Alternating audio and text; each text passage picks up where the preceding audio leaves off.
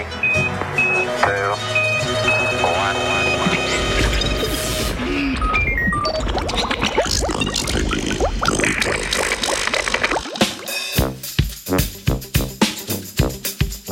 Dobro jutro, začnemo z znanstvenim Britofom, ki četrti ponedeljek v mesecu najprej prinaša ogrevanje mandibule.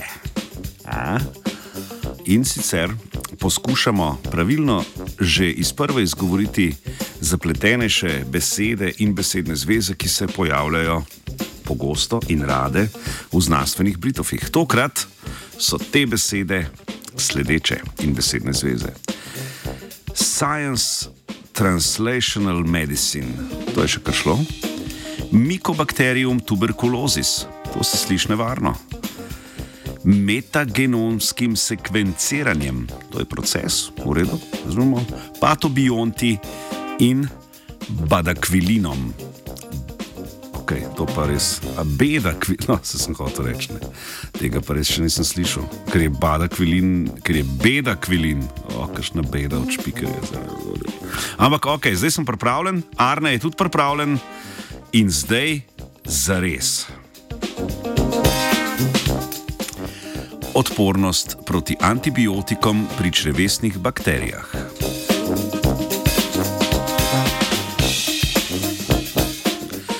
Danes poslušamo o raziskavi ameriških znanstvenikov in znanstvenic, ki so v reviji Science Translational Medicine poročali o vplivu dolgotrajne uporabe antibiotikov na ravnovesje črevesne mikrobiote.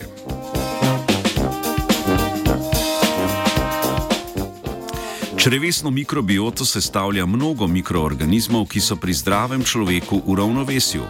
Med drugim sodeluje pri prebavi in imunskem odzivu.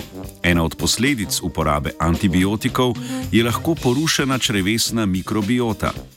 Nekateri antibiotiki namreč delujejo neselektivno in tako uničijo tudi neškodljive mikroorganizme. Ta pojav je še posebej pogost pri dolgotrajnejšem zdravljenju, ki je nujno denimo pri tuberkulozi. Tuberkulozo povzroča bakterija Mycobacterium tuberculosis, zdravljenje z antibiotiki pa lahko traja do 20 mesecev.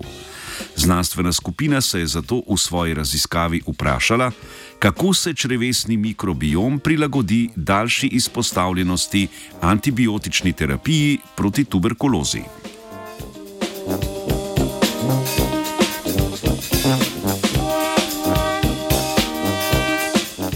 V raziskavo so vključili 24 oseb, ki se zdravijo proti odpornejši vrsti tuberkuloze, ter zbrali vzorce njihovega blata na dan, ko se še niso zdravili, po dveh tednih, enem mesecu, dveh mesecih, šestih mesecih in ob zaključku zdravljenja. Pridobljene vzorce so analizirali z metagenomskim sekvenciranjem, pri čemer so določili vrstno sestavo črevesne mikrobiote. Rezultati so pokazali, da se je med zdravljenjem število prej prisotnih neškodljivih poseljevalcev črevesja zmanjšalo. Obenem so se namnožili patobionti, bakterije, ki lahko postanejo škodljive, če jih je preveč. Sekvenciranje je pokazalo tudi povečanje števila bakterij z geni za antibiotično odpornost, še posebno po prvih dveh tednih, vendar se je proti koncu zdravljenja zmanjšalo. Prav tako se je proti koncu zdravljenja uravnalo razmerje med patobionti in neškodljivimi bakterijami.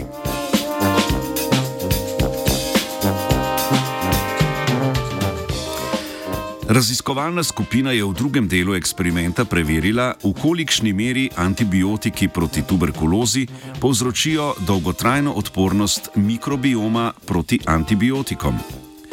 Črevesni mikrobiom treh kandidatov so po zaključnem zdravljenju presadili v miši.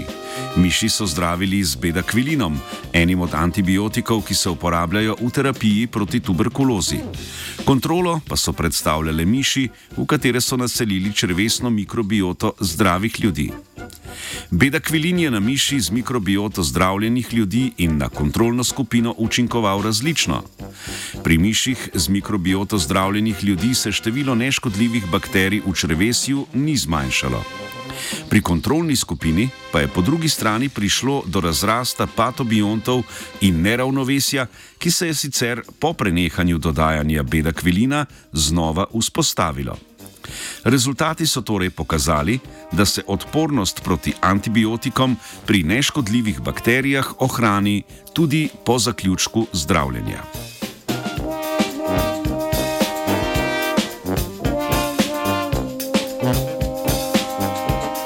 Opažanje, da se je ravnovesje mikrobiote ponovno vzpostavilo kljub porastu patobiontov in dolgotrajni izpostavljenosti antibiotikom, so pojasnili s pojavom kompetitivne evolucije med patobionti in neškodljivimi bakterijami. Oboji razvijajo odpornost proti antibiotikom, ta pa se ohrani tudi po prenehanju zdravljenja. Odpornost neškodljivih bakterij je v tem primeru dobrodošla, saj to pomeni, da pomagajo znova vzpostaviti ravnovesje v črevesju. Kljub temu pa ostaja nevarnost, da se ta odpornost prenese na nam škodljive bakterije, ki jih je zaradi splošnega povečevanja antibiotične odpornosti če dalje več. Tuberkuloze noče Dora.